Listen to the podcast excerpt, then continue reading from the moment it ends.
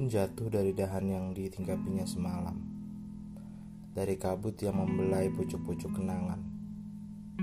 Ia datang pada gelap yang sepi, lalu hilang pada pagi yang terang. Ada rindu kutitip di ranting pohon angsana. Di antara cabang-cabang mati dan kering. Rindu yang hebat, hangat dan kuat. Itu adalah rinduku pada kabut yang sesekali mengetuk dinding kamarku. Kabut yang wanginya ada dalam ingatan.